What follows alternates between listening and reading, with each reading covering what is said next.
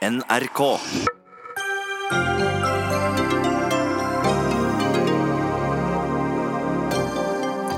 Norge bør støtte Canadas kritikk av Saudi-Arabias fengsling av kvinnerettighetsforkjempere, krever flere. Utenriksministeren kommer til Dagsnytt 18 for å si hva Norge egentlig mener om det som skjer. Regjeringen vil utsette terrorsikringen av følsomme mål i Norge frem til 2025, og det har fått opposisjonen og KrF til å reagere. Ingen støtte fra Redaktørforeningen til forstanderen i Det mosaiske trossamfunnet i Norge, som vil ha Dagbladet til å slette en karikatur av Israels statsminister, men får debattere saken i Dagsnytt 18. Miljøpartiet De Grønnes eneste stortingsrepresentant har kalt sitt første år på Stortinget for en ren såpeopera, men får streng beskjed av stortingspresidenten om at han nå skaper politikerforakt. Og hør øh, denne historien om bryllupskaka som tok kaka, for det var to ulver på toppen av den da miljøvernminister Ola Elvestuen giftet seg sist helg, og da svartnet det for Senterpartiet, som kaller det hele en skam.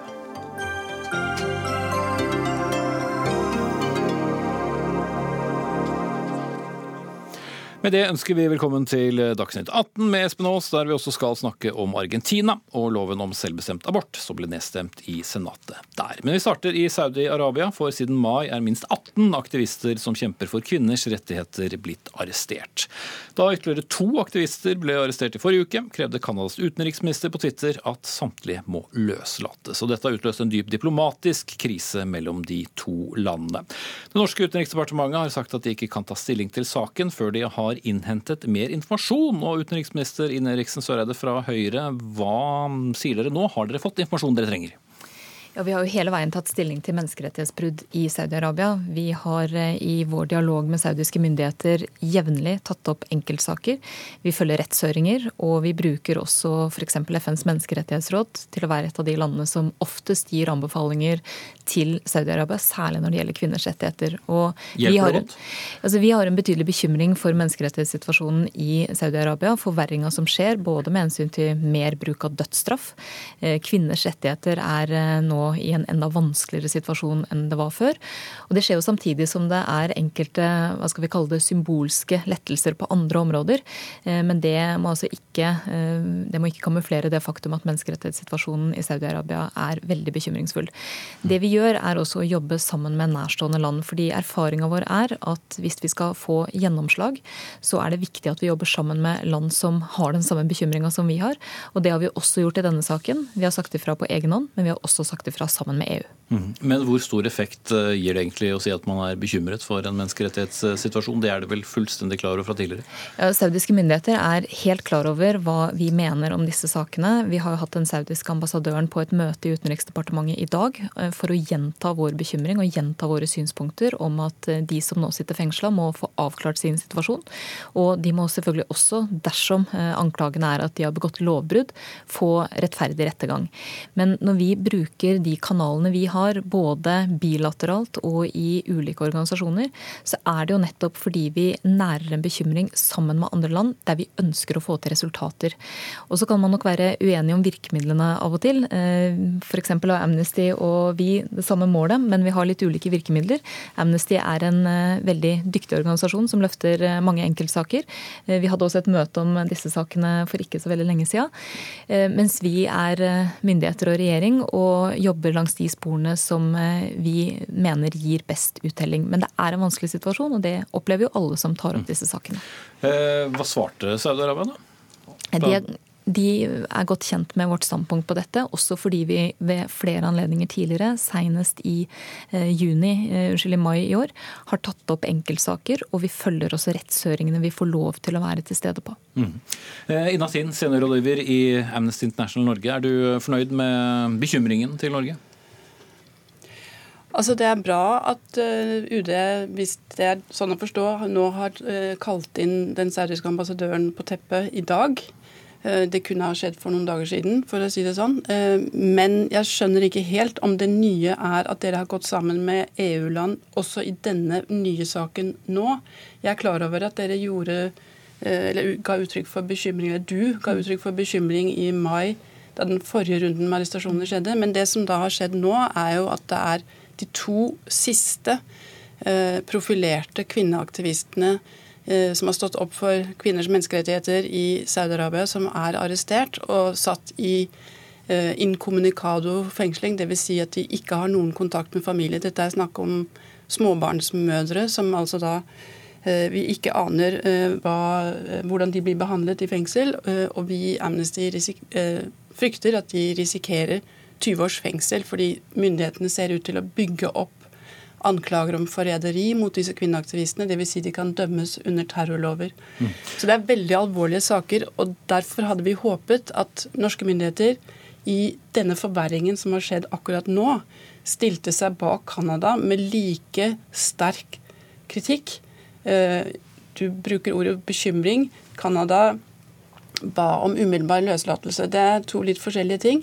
Eh, og nå får da Canada veldig sterke reaksjoner fra saudisk hold og trenger støtte fra likesinnede land som er like rakryggede.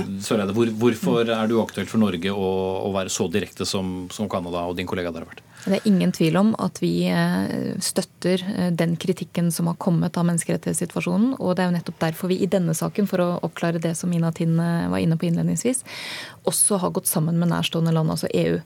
Og det at vi har eh, brukt eh, et par dager nå med våre veldig flinke medarbeidere i Riyadh for å få mest mulig informasjon ut om denne situasjonen, er jo viktig fordi vi ønsker å tilpasse responsen til det vi tror kan gi resultater. Og i denne sammenheng, nettopp fordi vi har tatt det opp bilateralt tidligere og gitt offentlig uttrykk for eh, vår bekymring, så mener vi at det er viktig å jobbe sammen med nærstående land i et håp om at det skal kunne gi bedre uttelling. Men hva taler ser... imot å be om øyeblikkelig løslatelse, som Canadas utenriksminister utenriksminister eh, gjorde for Norges del? Ja, altså Blant annet så har jo noe av det arbeidet vi gjør og har gjort, eh, gått ut på å kreve at vi må få en klarhet i disse eh, fengsla menneskenes situasjon. Altså hva de er anklaga for, og hva, hva, de kan forvente av situasjonen sin framover. For det er klart det er en, det er en forverring i menneskerettighetssituasjonen i Saudi-Arabia for mange. Og særlig kvinnerettsaktivister, menneskerettighetsforsvarere, opplever at det er en situasjon å jobbe under som er stadig vanskeligere. Og da må vi som norske myndigheter, sammen med myndigheter fra andre nærstående land, vurdere hva vi tenker vil gi de beste resultatene. Og erfaringsmessig eh, så er det å gjøre en kombinasjon av å ta opp sakene bilateralt, følge de rettshøringene der vi får adgang, sammen med å jobbe både i multilaterale fora som Menneskerettighetsrådet, og ikke minst sammen med nærstående land. Det vi ser over tid gir best effekt. Mm. Inatin, du sukket dypt. Ja, fordi at hvis man, eh, hvis man eh, avventer til det kommer tiltaler, så er det veldig eh, Frykter vi at det er for seint. Eh, at det er nettopp nå handlingsrommet vi har, før det blir eh, eh, formelle tiltaler, at myndighetene kan snu hvis de merker et stort internasjonalt press i sakene. Med en gang det blir tiltaler, så vil det være mye vanskeligere for dem. De vil miste ansikt hvis de da skal snu. Og Det som er tydelig, er at den reelle herskeren i Saudi-Arabia, som er kronprins Mohammed bin Salman, at han prøver gjennom disse bølgende arrestasjoner å sende et signal til egen befolkning om at det er totalt illegitimt å kjempe for rettigheter. Han kan gi deg rettigheter hvis det passer i hans agenda, men du kan ikke kjempe for rettigheter.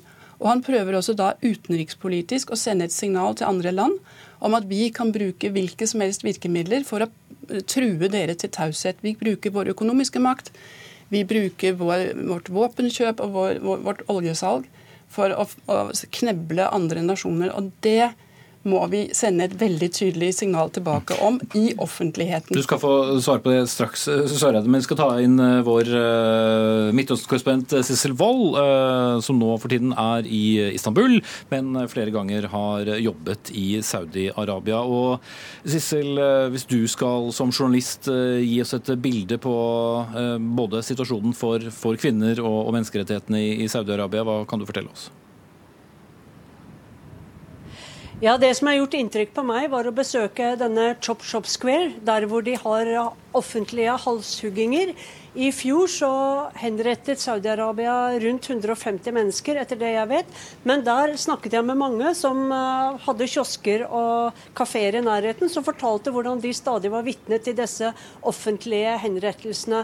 Det er én ting. Det er jo ingen religionsfrihet i Saudi-Arabia. De følger wahhabismen, den strengeste formen for sunni-islam, veldig strengt. Kongefamilien regjerer jo på eh, wahhabistenes, de religiøses, nåde. Og dette er en retning innen islam som også da Osama bin Laden og Al Qaida og for så vidt også IS eh, henter sin eh, næring fra. Eh, det er jo ikke lov med politiske partier. Jeg kjenner også folk som har eh, ytret eh, ønske om reformer innenfor monarkiet, men de er også satt i fengsel. Og Når det gjelder en av disse kvinneaktivistene, Iman al-Nafjan, som jeg har truffet flere ganger, hun er småbarnsmor, som Inatin nevnte, og hun har også hatt en blogg. Og hun har vært veldig modig.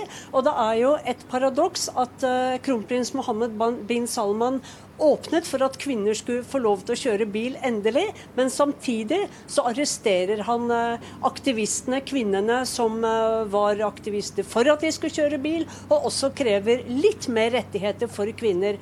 For sånn som det er nå, så kan ikke kvinner f.eks. gå på kafeer eller restauranter alene. De må ha med seg en verge, enten det er lillebroren eller storebror eller far eller mann. Mm. Hvor åpne er uh, regimet i Saudi-Arabia, eller familien da, om du vil, uh, for kritikk utenfra?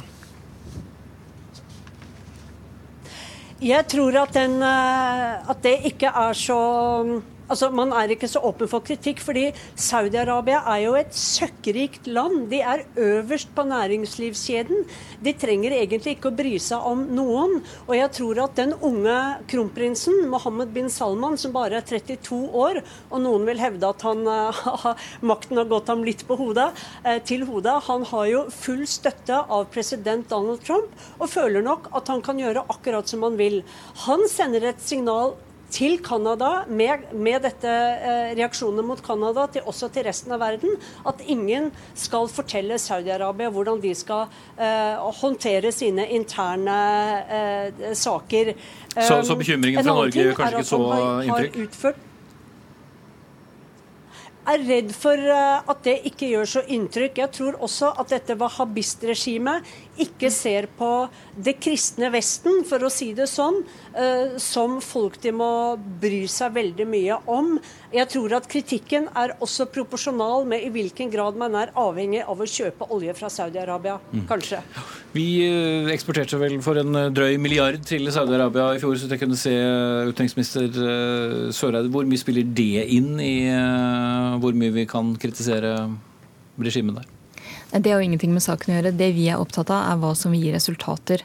Eh, og etter det vi erfarer, så kan det også være andre forhold i det bilaterale forholdet mellom Canada og Saudi-Arabia som har spilt inn på den sterke reaksjonen. Det vet vi ikke alt om ennå.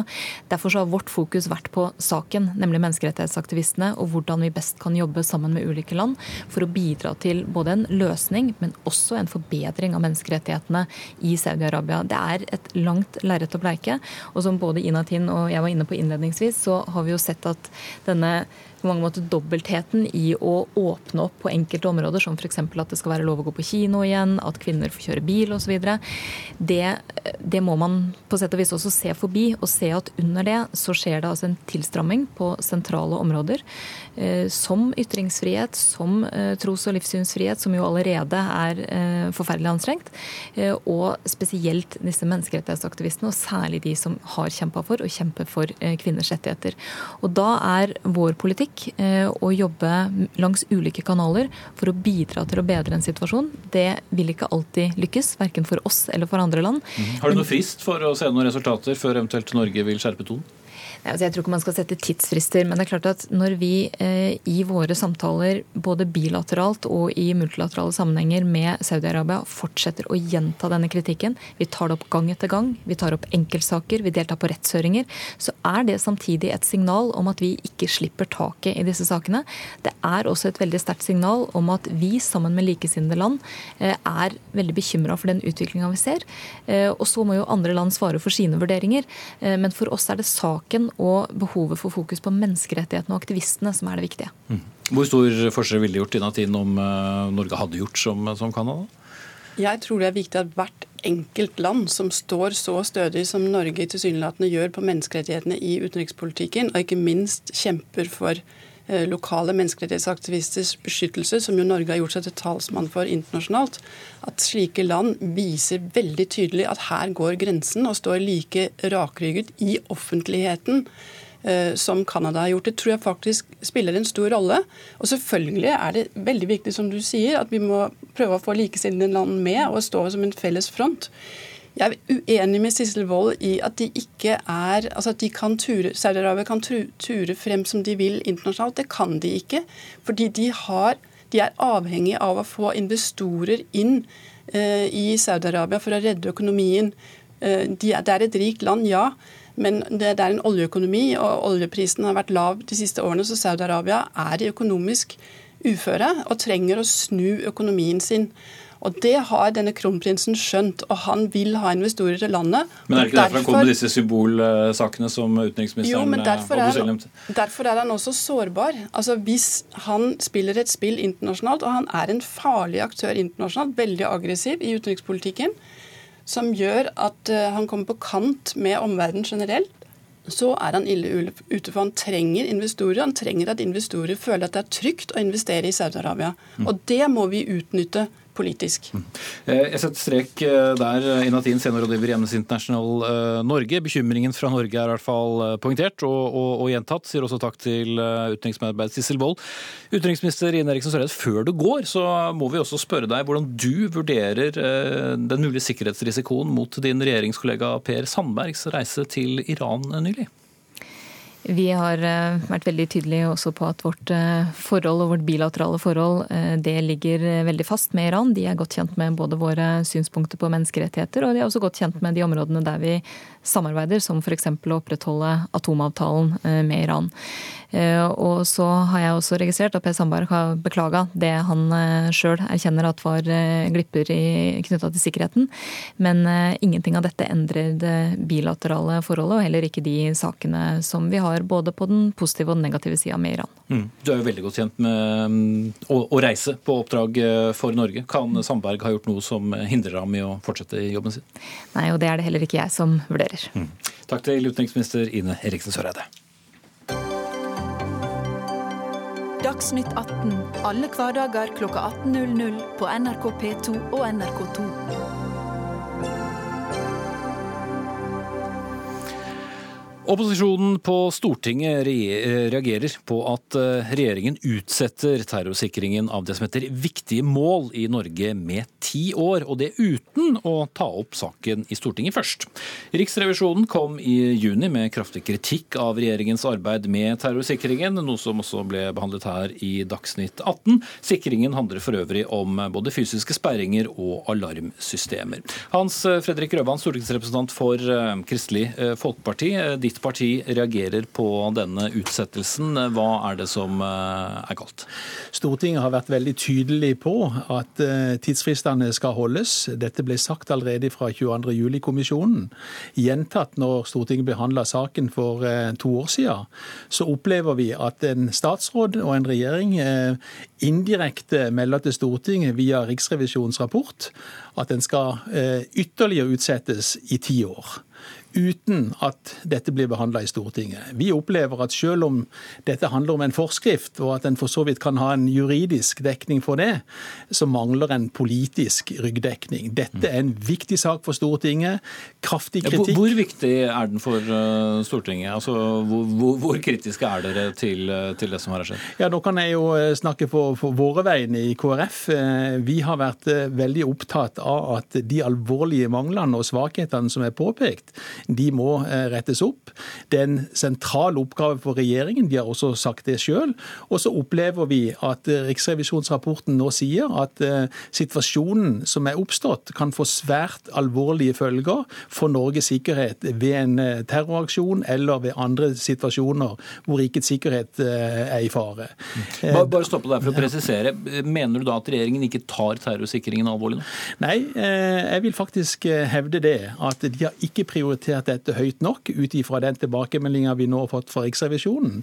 Eh, de har lagt fram noe budsjett i forhold til hvilke kostnader dette skal medføre. Og når de da ytterligere skyver på tidsfristen, så opplever vi at dette tas ikke seriøst nok. Det er svært alvorlig. Mm.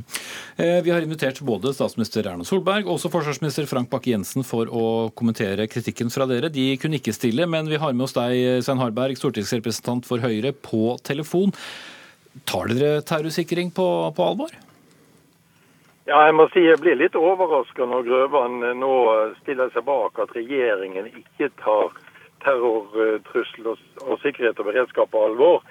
Det står jo også klart i svarene til Riksrevisjonen og i det som ellers er sagt, at det gjør regjeringen. Her er det veldig mye godt arbeid på gang.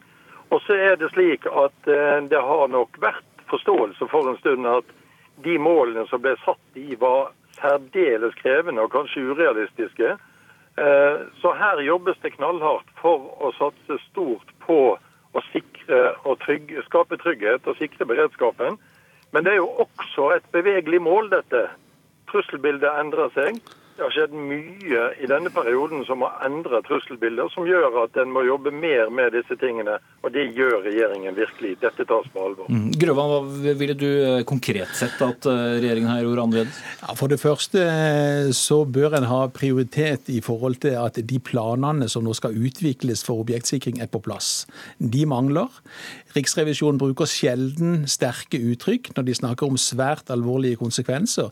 Dette handler om min og din trygghet. Det handler om opplevelsen av en situasjon for sivilbefolkningen ved et terrorangrep. Eh, en hadde ikke brukt den type uttrykk hvis ikke dette var eh, seriøst meint. Og så har vi bakgrunnsteppet ved at Stortinget har behandla dette for to år siden eh, og formulert en veldig skarp kritikk Eh, som vi nå igjen ser at eh, Riksrevisjonen faktisk eh, følger opp med å gjenta at selv om det er skjedd forbedringer, det er jeg helt enig i på noen områder, men en er langt unna målene. Og det burde regjeringa sørge for, enten gjennom en melding til Stortinget eller på annen måte at en kom med en informasjon om status, framfor at en nå skal bli avkledd av en riksrevisjon som er så tydelig som den er. Svar på den konkrete kritikken, Harberg. Ja da, men eh, vi har jo vært enige, det har jo vært enighet i vår komité om at vi skulle ha denne høringen, og at de skal forsvare for seg for det som står i rapporten. Så Det er det jo ikke uenighet om, og jeg tror det blir en spennende høring. Der vi også får innsikt i det komplekse bildet dette er, og alt det komplekse som skal gjøres. Og hva det vil avstedkomme av kostnader og arbeid. Så vi er jo ikke uenige eh, der.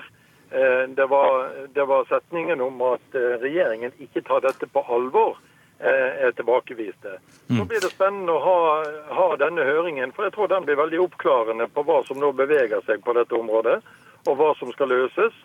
Og at det er en stund siden denne rapporten ble skrevet. Noe var da allerede gitt beskjed om er i gang. Nå får vi vite hvor langt det er kommet og hva som har skjedd. Noen vil jo si at den første fristen også var for en stund siden, for det var jo 2015. Og 2025 det er jo da ja, 14 år etter 22.07.2011. Eh, er det forståelse for at eh, noen vil synes at dette tar i overkant lang tid?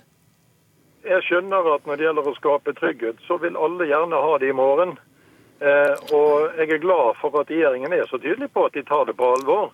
Eh, så er jeg mer opptatt av at vi gjør de rette tingene etter hvert som verdensbildet utvikler seg, enn akkurat alle fristene. Det er gjort veldig mye, også på de områdene som ikke er omtalt i rapporten, som er veldig viktig for sivilsamfunnet i eh, trusselsituasjoner. Så Her er det et helhetsbilde som skal komme fram. Det tror jeg vi får innblikk i i høringen, som er den 27. august. Eh, så jeg tror det blir en, en viktig runde som vi får der. Da har vi mer kunnskap på hva som er situasjonen. Ja. dag. Grøvan, hvor langt er Kristelig Folkeparti villig til å gå i denne saken? Som, som, vi jo vet, så har jo dere ofte tungen på, på vektskålen i, i, mange saker hvis opposisjonen går mot regjeringen. Nå eh, vil vi gå grundig inn i saken. Vi har mange viktige spørsmål som vi ønsker å stille på høringen. Vi opplever at eh, beskrivelsen som regjeringen ga ved forrige høring, ikke stemmer med den riksrevisjonsrapporten som vi nå har fått. Vi trenger å bore i hva er situasjonen.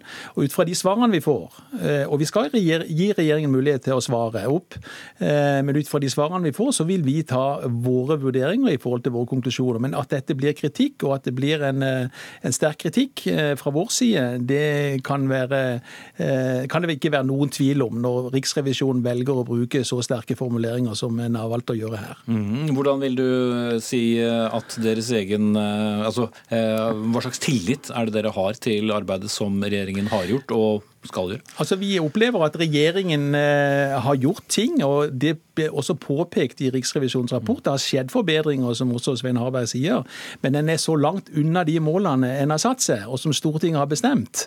Eh, og når en da snakker om svært alvorlige følger, eh, så er ikke dette på langt nær godt nok. Og det må påpekes, og jeg håper at regjeringen vil gire opp, prioritere dette høyere. Dette handler om mitt og, og ditt, min og din trygghet i, i Norge i 2018. Da setter vi strek der. Takk til deg, Hans Fredrik Røbban, eh, stortingsrepresentant for Kristelig Folkeparti, og med oss på telefon Svein Harberg, stortingsrepresentant for Høyre. Så får vi se frem til denne høringen, som altså kommer om noen uker.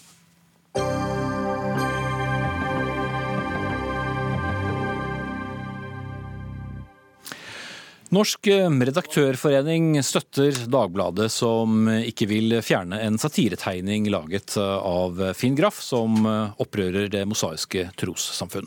Tegningen er av Israels statsminister Benjamin Netanyahu, og har altså stått på trykk i Dagbladet i forbindelse med en kommentar. Ervin Kohn, du er da forstander i det mosaiske trossamfunn i Norge, og kaller tegningen for helt klart antisemittisk og langt over grensen for ytringsfrihet. Forklar hvorfor. Jeg skal forklare, altså For det første, dette er ikke noe ytringsfrihetssak. Altså, innen, altså Det er innenfor det juridiske på ytringsfriheten, men det er utafor det moralske.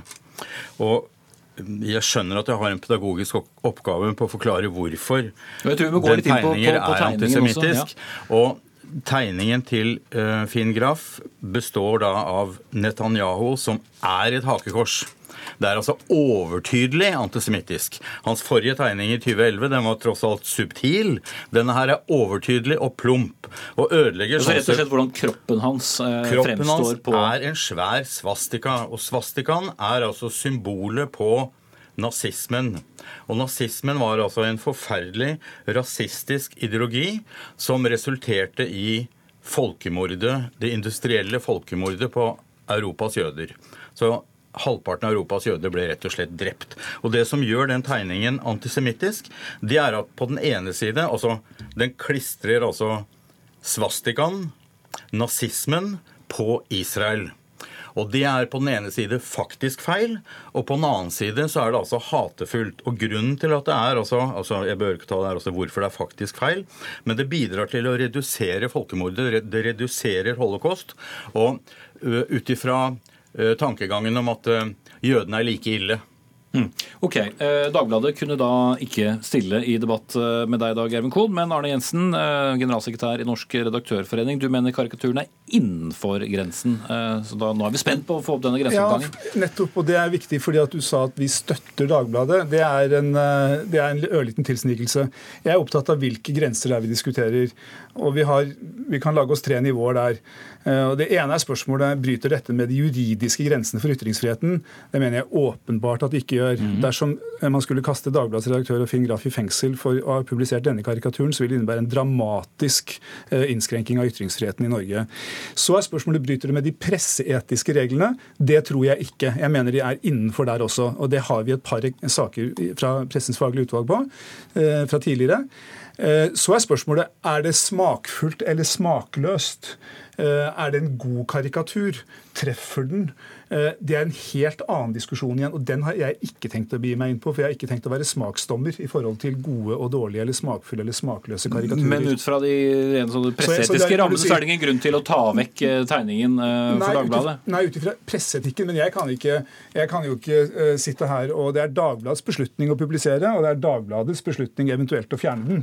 Uh, så det må jo Dagbladet svare for. Men jeg mener at Dagbladet ved å publisere den ikke har brutt med eh, de juridiske grensene, og jeg mener de ikke har brutt med de presseetiske grensene. Og Så får man diskutere er det klokt, er det dumt, er det smakløst. Ja, Det tror jeg ikke jeg trenger å spørre kona om Nei, akkurat. nei, nei, siste først er vi helt enige om at det er altså plumpt og smakløst. Ja, jeg sa ikke det var det, Eh, jeg sa at det var en annen diskusjon. Ja, ok, men, øh, men det er, ja, for meg er det helt åpenbart. I forhold til alle, alle de der kommentarene som har kommet i løpet av dagen, så er det også helt åpenbart. Og så er det uhensiktsmessig, fordi at den den tar jo bort oppmerksomheten fra en relativt god artikkel av Smilden. Som, Som er journalisten, høyst, som har skrevet den i Dagbladet. Ja, Ja, riktig. Ja, Men jeg er en, enig med deg i dette at det er innenfor det juridiske og bryter ikke med det juridiske. Så vi skal ikke sende noen i fengsel, og vi skal ikke, vi skal ikke anbefale bøter. Når det gjelder det etiske, moralske, så er det litt liten tvil om at det bryter med det. Selv om PFU ville si både det ene og det andre, så er det snakk om altså hva er det karikatur skal gjøre. Den skal komme med litt ordentlige overdrivelser for å få frem et poeng.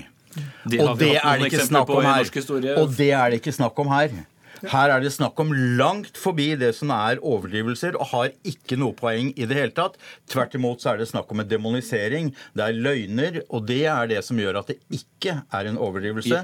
Og det er det som gjør at det er uetisk og umoralsk. Men nå, nå er vi inne i en interessant, eh, nå er vi inne i en interessant diskusjon. fordi altså Når jeg ser den tegningen, og jeg, så skjønner jeg at for at det, vil være jøder som opplever dette som krenkende og ubehagelig. Det har jeg full forståelse for. Men tegningen slik jeg ser den, er jo et spark til Netanyahu, den israelske statssjefen, og flertallet i Knesset, som har vedtatt en svært Knesset. Knesset, unnskyld, som har en, eh, vedtatt en svært omstridt lov. Det er sånn jeg leser den karikaturtegningen. Så er virkemidlene i den karikaturtegningen svært sterke. Noen vil mene for sterke. Ja, det kan vi diskutere, men jeg opplever den i hvert fall ikke som et spark til jødene som etnisk gruppe. Det, eh, sånn klarer ikke jeg å lese den eh, Nei, det er, tegningen. det er, der er det mange som har et problem. Du er ikke alene med å ha det problemet. Det er også å forstå det at det å klistre nazismen på Israel er ikke et spark. Men Det er er det ikke bare en, en antisemittisk. Og den som sier det, det er jo ikke bare jeg. Det sier altså IHRA, som er altså det internasjonale organisasjonen som øh, passer på holocaust-minnet. Okay. For, for Et spørsmål som selvfølgelig kommer opp, og, for all del vi har hatt, eh, vi har hatt mange diskusjoner om, karikaturer eh, i, i Norge, både når det gjelder eh, Israels statsminister og også de berømmelige eh, Muhammed-karikaturene. Men går det i hele tatt an å lage noen grense? Altså er det, kan, Ja. må, må det være en, e, er det en egen grense f.eks. for for en israelsk eh, statsminister sammenlignet med en annen figur som jo karikeres nærmest daglig også i norske aviser, som eh, president Donald Trump, som jo også mange reagerer på, blir fremstilt med, med bleie eh, og mange men, Ja, men det, men det, det er da ikke vanskelig i det hele tatt. Grensen går ved nazismen. Det er der grensen går. Det er det ikke noe problem å kritisere Netanyahu eller hvem som helst annen. Altså Antallet karikaturer på israelske ledere, det er legio. Men det går en grense, og det er nazismen. Hvor vanskelig er det å forstå, da? Det er folkemordet på Europas jøder. Det er der grensen går. Og når du overtrår den grensen, så har det ikke lenger noe med Israel-kritikk å gjøre. Det er snakk om demonisering. Jens. Ja, men Da vil jeg gjerne sitere fra Pressens faglige utvalgs uttalelse i 2006. Det var en klage som jeg mener dere sto, sto bak. Eh, der sier Pressens faglige utvalg selv om, det pressen, selv om det for pressen er viktig å ha et bevisst forhold til betydning og virkning for dem som blir berørt, har utvalget også tidligere påpekt at det ikke kan være slik at de forulempede og krenkede kan gis noen slags vetorett over hva som skal kunne publiseres. Et slikt prinsipp ville gi helt uakseptable konsekvenser for ytringsfriheten. Men vi er ikke forulempet, og vi er ikke krenket. Og det som ble helt feil med analogen med Mohammed-tegningene Vi er ikke forulempet og krenket. Og vi skal bekjempe antisemittismen ikke fordi at det er synd på jødene.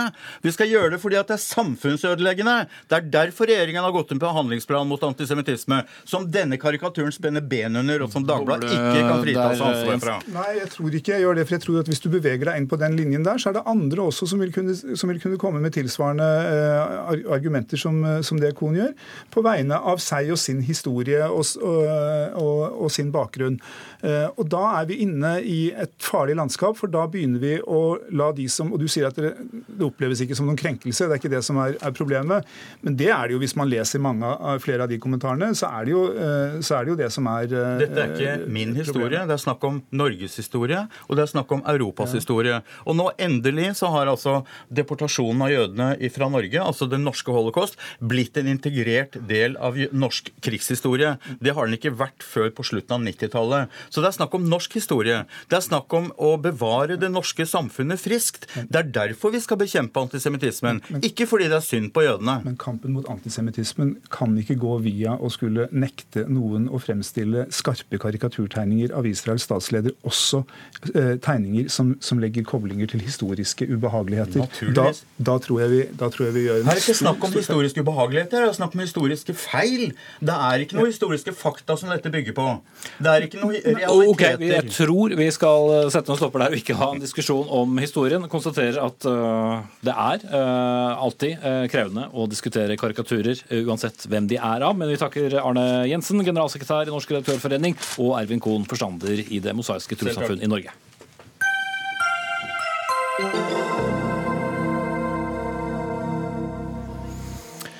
Da klima- og miljøminister Ola Elvestuen giftet seg i helgen, så var bryllupskaken pyntet med to ulver iført brudeslør og en uh, sløyfe. Dette har uh, flere latt seg provosere av, bl.a. deg, stortingsrepresentant Heidi Greni fra Senterpartiet, som kaller denne kakepynten uh, for respektløst. Hvordan er den det? Eh, vi må se litt på hvilken kontekst det her er til. Nå er vi inne i en av de blodigste rovdyrsomrene som har vært. Eh, bøndene går ute nå og leter kadaver. De finner halvdøde sauer som de er nødt til å ta livet av.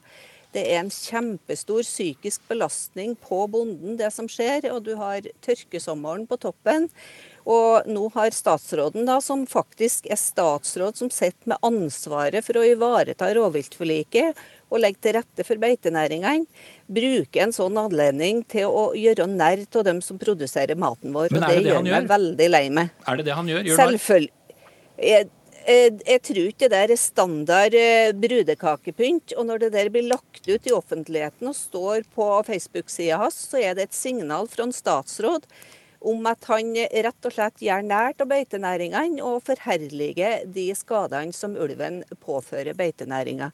Og det her har vi nå på toppen av den eh, kosinga med en eh, ulvevalp i sommer. Og i tillegg så har statsråden gjort alt han kan for å trenere uttak av skadedyr i sommer.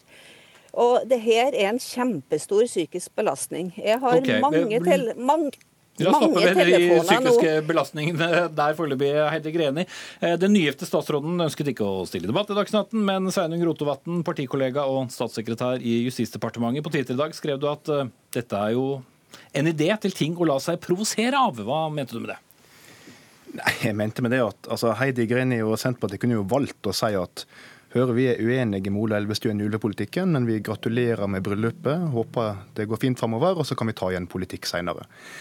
Men i stedet så skal en altså begynne å hisse seg opp over ei bryllupskake. Eh, jeg burde vært overraska, men jeg er jo egentlig ikke det. For det er jo ikke mer enn et halvt år siden at Senterpartiet sine stortingsrepresentanter var ute og raste mot at bøndene sjøl ved tidene hadde en ulv på sjølveste mjølkekartongen. Og det var også eh, sant, skammelig og skummelt. Og jeg tenker at altså, Her begynner på en måte Senterpartiet å få litt sånn til felles med uh, islamister sitt syn på Muhammed. ikke sant? Altså Bare det å avbilde er liksom blasfemi. Eh, og jeg tenker at eh, En ting er å ville utrydde all ulv fra norsk natur, som Senterpartiet mener politisk, men når du i tillegg skal begynne å liksom utrydde det fra melkekartonger og fra bryllupskaker og for folkeeventyr og for alt det jeg vet, da tenker jeg at eh, ja. Den typen ayatollah-politikk kan de ha for seg sjøl. Altså. Ayatollah-politikk, heter Greni, er dere litt for hårsåre? Nei, jeg er overhodet ikke hårsår, og sjøl ikke personlig berørt av det her. Men jeg har daglig telefoner fra naboer som rett og slett er bekymra for dem som er verst utsatt. Det er så stor psykisk belastning. Vi har, vet jo hva det her har ført til tidligere. Det er dem som har valgt å, jo, men ikke av bryllupskaken, det må jo være av, av hendelsen med rovdyr. På grunn av rovdyrpolitikken. Og det er ikke hvem som helst som har lagt ut de her ulvene. Og det er jo naturligvis statsråden sjøl som har valgt å bruke denne dagen til et politisk budskap. Ja, det er jo disse... det som er utfordringa. Og han må få ha hva han vil på kaka, men når han legger det ut på den måten, så er det, er det et hån mot dem som faktisk nå lever midt oppi det her blodbadet. Vi har jo en diskusjon gående om dagen hvorvidt det er statsråder eller privatpersoner som reiser på ferie. Det er jo fristende å trekke det inn også her. Det, vel, eh, det var jo ikke først og fremst eh, statsråden som giftet seg, men, men privatpersonen Elvestuen, eller er det ikke noe skille der, slik du ser det, Greni? Altså, da kan du, du kan jo tenke det følgende scenario. Da. Jeg er jo bare en stortingsrepresentant. Men hvis jeg har lagt ut ei bryllupskake med to ulver med et blinkmerke på brystet på begge to, så tror jeg faktisk at det har kommet en reaksjon fra omverdenen. Jeg kan garantere her og nå at det aldri kommer til å skje. Blande et politisk budskap borti en sånn begivenhet.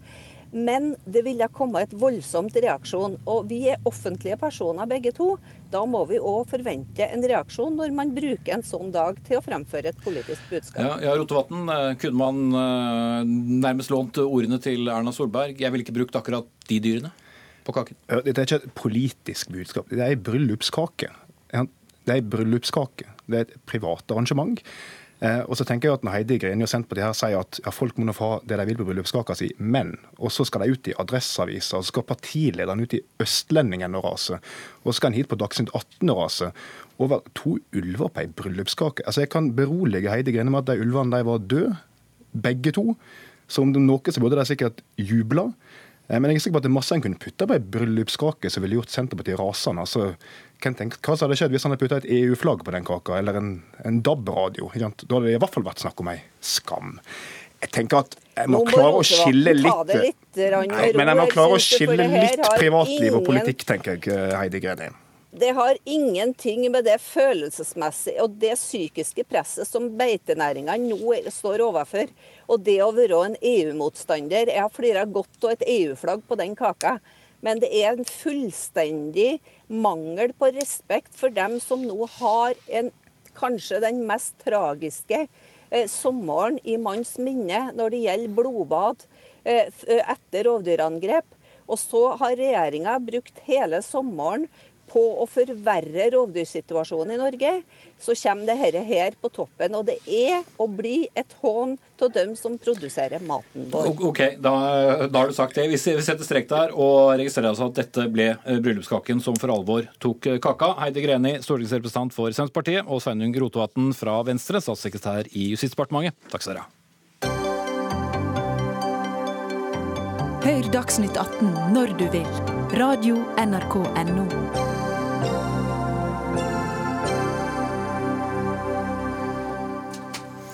Da skal vi bevege oss til uh, i alle fall et helt annet tema, og også en helt annen uh, verdensdel. Et flertall i Senatet i Argentina stemte nemlig nei til lovforslaget om selvbestemt uh, abort.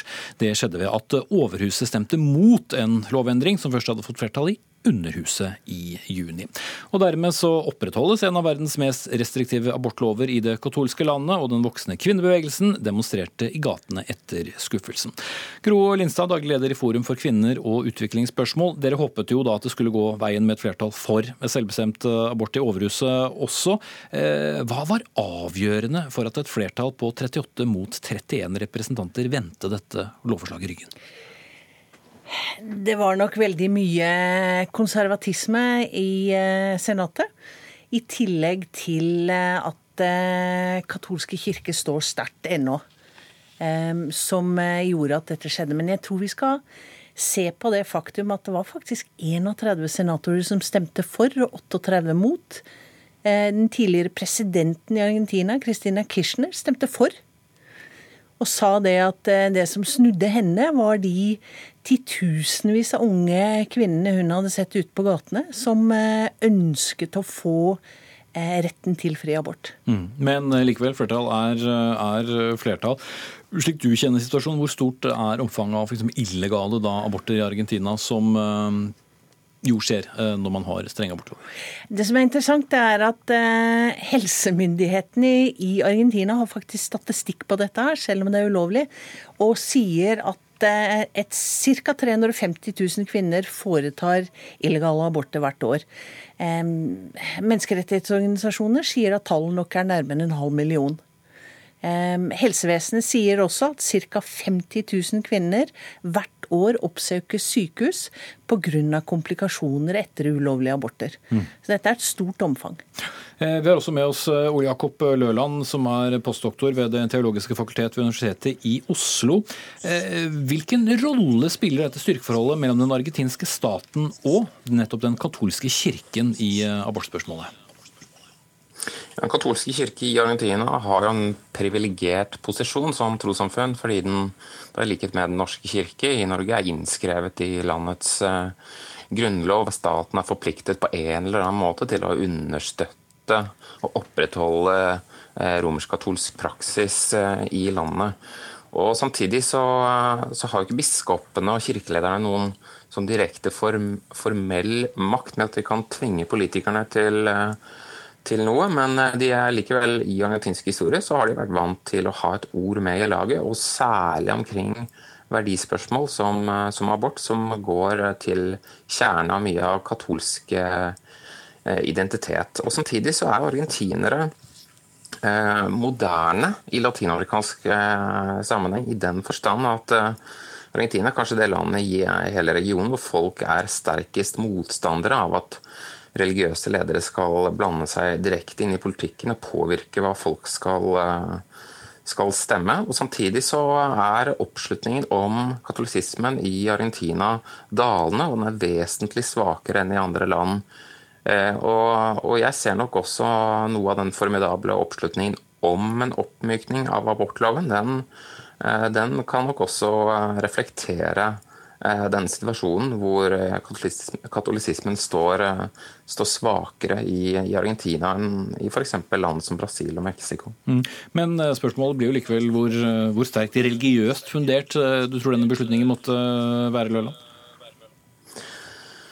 Ja, det er liten tvil om at uh, den massive mobiliseringen som har vært både eh, i forkant av eh, diskusjon og avstemningen i Underhuset og nå også i Senatet, den har vært drevet fram av en religiøs grasrotaktivisme hvor protestantiske kirker og den katolske kirke har, har funnet hverandre.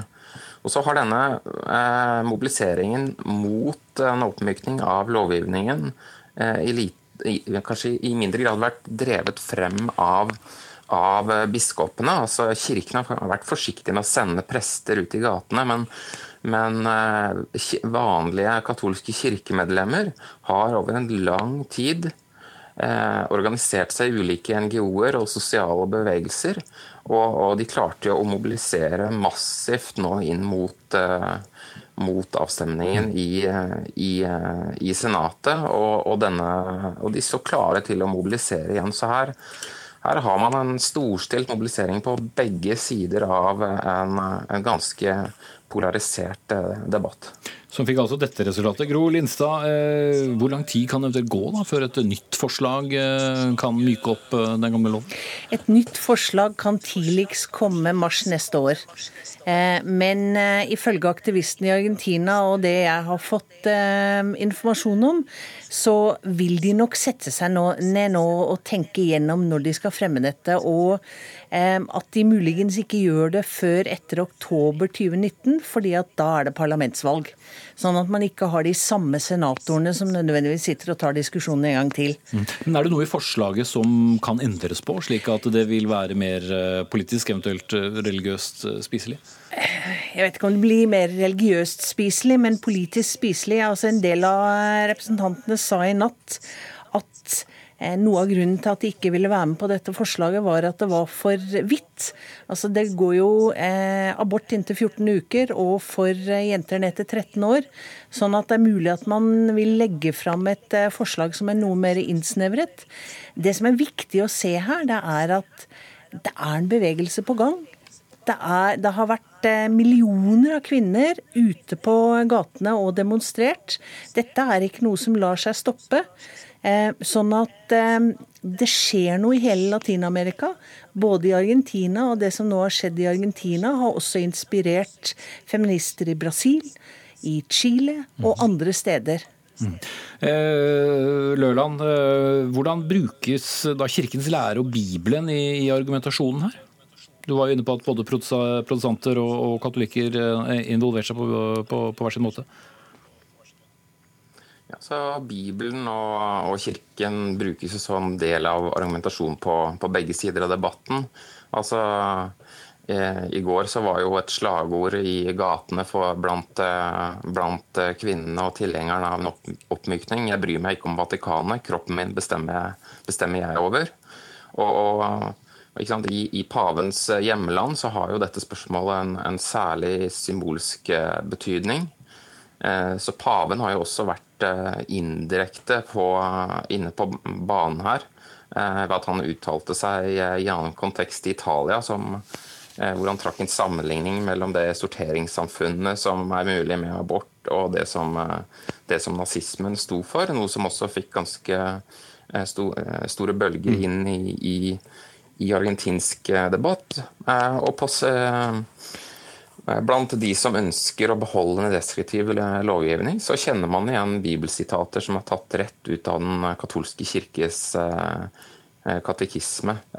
Skriftord fra Det gamle testamentet. Så så, eh, så her, er, eh, her, er, religion viktig på begge sider. Det var jo en ja, jeg må stoppe deg der, Ole Jakob Løland, postdoktor ved Det teologiske fakultet ved Universitetet i Oslo. Vi er ved veis ende. Og takk til deg også, Gro Linstad, daglig leder i Forum for kvinner og utviklingsspørsmål. Og i nabolandet Brasil skal Høyesterett denne måneden ta stilling til om landets abortlovgivning der er i strid med Grunnloven.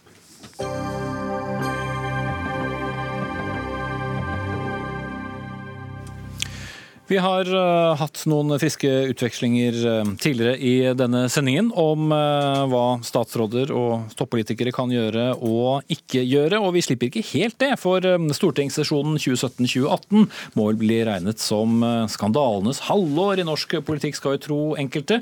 Enten spiller man med i det politiske feltets psykoregler, eller så er man irrelevant. Det har jeg lært meg etter sju måneder på Stortinget. Det skriver du, Per Espen Stoknes, som nå representerer Miljøpartiet De Grønne på Stortinget, og du har skrevet dette i Dagens Næringsliv. Og, hva slags kaos er det som har overskygget, overskygget unnskyld, politikken eh, mens du da har sittet der som, som vara for en av dine partiledere? Ja, nå er jeg jo da ute igjen, eh, og jeg kom inn i full fart i forbindelse med statsbudsjettet og måtte sette meg inn i både MDGs alternative statsbudsjett og hele statsbudsjettet, og gjorde det ganske grundig og forberedte gode innlegg. og hadde mange gode innlegg i salen. Eh, og så opplevde jeg at uh, mediene var bare grunnleggende uinteressert i statsbudsjettet. Fordi at det satt en snurt mann uh, og var lei seg fordi at ikke han fikk være med i Nobelkomiteen. Og da var mediene veldig mye opptatt av den lei seg-heten enn de var opptatt av de mange milliardene næringspolitikken, finanspolitikken, helsepolitikken, sosialpolitikken som vi drøfta eh, inne i salen. Det Så det var medienes feil, eller? Dette er det jeg prøver å sette fingeren på.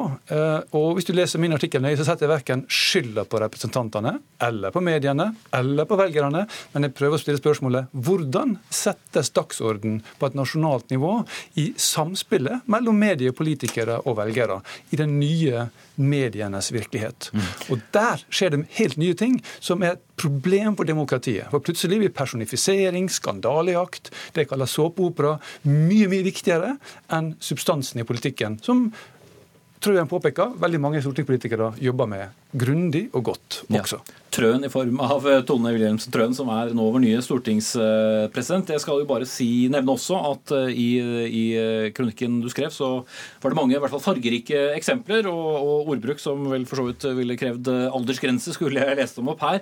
Men, men stortingspresident Tone Wilhelmsen Trøen, du svarte da på dette og, og sier at her er han i ferd med å, å skape politikerforakt. Hvordan da?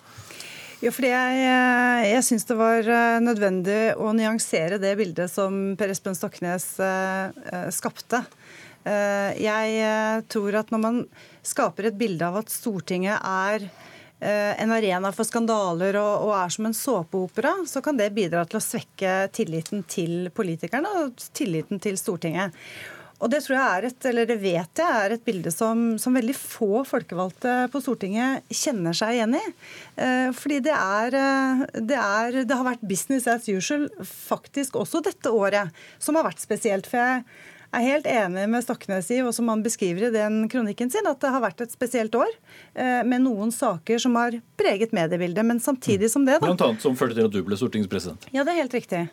Eh, men samtidig med det så er det mm, vedtatt 452 saker i Stortinget. Vi har hatt 95 stortingsmøter. og Det er stilt 2239 spørsmål til regjeringen, så det er jo ingen tvil om at det er et liv der inne på Stortinget eh, hvor man jobber veldig iherdig med politikk og med politikkutvikling og finner gode løsninger for folk eh, i dette landet. Men du har tidvis følt deg irrelevant, Stognes? Ja, Først vil jeg takke for motinnlegget. da. Eh, fordi Når stortingspresidenten går ut og angriper meg, så blir det jo plutselig en debatt, og da havner vi i Dags 18. For her er liksom noe av formatet av det politiske spillet at her skal vi ha litt sånn boksekamp nå. Eh, hvor Vi skal liksom utveksle litt sånn verbale svingslag. Så kanskje er boksekamp en bedre metafor eh, enn sirkus. Men, Men opplys gjerne våre glade lyttere der ute og, og, og seere om, om fortsatt da hva, hva, som har vært ditt store problem. Altså, for hvis det, Som Trøen sier, så har det vært en mengde politiske saker som har gått eh, i salen, altså stortingssalen, og også blitt eh, referert. Men ja, det har vært den store metoo-vinteren, det har vært eh, bråk rundt flere statsråder osv. Men har, har, har, man da vært for dårlig til å løfte frem sakene, eller har det vært slik som du antydet til å begynne med, at ingen ville skrive om det? Um, Veldig mye av det politiske fokuset denne halvåret har dreid seg om skandalejakt. Det vi kan kalle såpeopera. Og nå hørte vi jo senest sist her om eh, kakepynten på Elvestuens bryllupskake. Og det tar da fokuset bort fra substansielle saker. Og mitt hovedanliggende her det er å sette fokus på den demokratiske samtalens vilkår i den nye medievirkelighetens tidsalder. Fordi at når det blir mye viktigere med personkonflikter, med såra narsissisme, med eh, skandalejakt og sånn, enn det blir å få en nyansert forståelse av hva saken under dreier seg om, så har demokratiet et langsiktig problem. og Det ser vi i en lang rekke land rundt oss nå. Så jeg prøver å komme med et varsel, varsko her, om at nå er kanskje Norge i ferd med å bli forma av det feltet mellom medier og sosiale medier som er slik at vi kan gå ned ei blindgate. Og Jeg prøver å rope varsel, og det er jeg litt skuffa og bekymra over at uh, det varselet uh, avvises da av stortingspresidenten, som sier da at uh, dette her er ikke representativt, og det skader ryktet vårt. Og Det minner meg litt om hvordan varslere blir håndtert i bedrifter eller organisasjoner ellers. Ja, Det var kraftig skyts, Trøen. Ja, jeg syns du bommer med noen av disse slagene i denne boksekampen. Da. Og jeg syns også du bommer litt i, i kronikken. fordi at der har jeg inntrykk av at uh, du uh, er opptatt av at sakene i Stortinget, uh, de som du har faglig lyst til å jobbe med, ikke får oppmerksomhet i pressen. Mm. Og Samtidig eh, så er du, vet jo vi at f.eks. den debatten vi hadde, eller dere hadde i sted, eh, om pynten på bryllupskaka til statsråd Elvestuen, det er jo en sak som startet ved på Facebook eh, gjennom et engasjement der, og som pressen fanger opp der. Eh, så jeg tror vi må eh, jeg, syns, jeg, syns, du har poenger også i din kronikk, og det har jeg sagt. Eh, vi må alle ta et ansvar. Media må ta et ansvar. Mediene er en viktig del av vårt, vår demokra vårt demokrati. Mm. Uh, og har et stort ansvar for å forsøke å nyansere bildet også, og vise fram mange av de sakene som er viktige på Stortinget, for folk. Vi mm. har et ansvar som politikere, definitivt. Også for å fremme saker og for å få oppmerksomhet. Og selvfølgelig så er det sånn at man ønsker å få oppmerksomhet om den politikken man jobber for. og så skjer det på, gjennom ulike kanaler. Og aldri har vi jo noen gang hatt så mange kanaler å synliggjøre politikk på. Så hvis Dagsnytt 18 ikke har lyst til å ta den debatten jeg har lyst på, så kan jeg dele den på Facebook, eller jeg kan tvitre, eller jeg kan skape oppmerksomhet om det. Og det tror jeg også er bra for, for å få engasjement. For lyttere som eventuelt kom til nå, så må jeg bare minne om at før all denne kakepynten så var vi altså gjennom både Saudi-Arabia og objektsikring eh, for terror. Men eh, Stoknes, eh, hvis du ser tilbake på, på, dette året, som du da har fått lov til å gå ut av akademiaen nærmest og inn i, i, i politikken, det må det være noen saker du tenkte at du følte er litt viktig når du satt inne i salen? For det har jo vært mange viktige saker som har blitt debattert og avstemt. Men ja, kanskje ikke alle har nådd ut på forsider eller i Dagsnytt 18-studio. Ja, veldig få. Og, eh, som egentlig har blitt løfta på en grundig måte. Og jeg ble invitert til å skrive denne kronikken av Dagens Næringsliv for å reflektere på en måte da om hvordan min erfaring hadde vært. Og Hvis man leser kronikken min, så setter jeg også fokus på en avgrensning om at det handler om hvordan settes agendaen. i dette feltet mellom politikere, medier og folk flest. Og Det er den dynamikken jeg, jeg går løs på. Jeg har hatt god gjennomslag, så jeg, jeg, jeg tror hun kaller meg faglig impotent, men det er ikke helt presist. Nei, det var det du som skrev. Nei, du, du, leser meg litt feil der.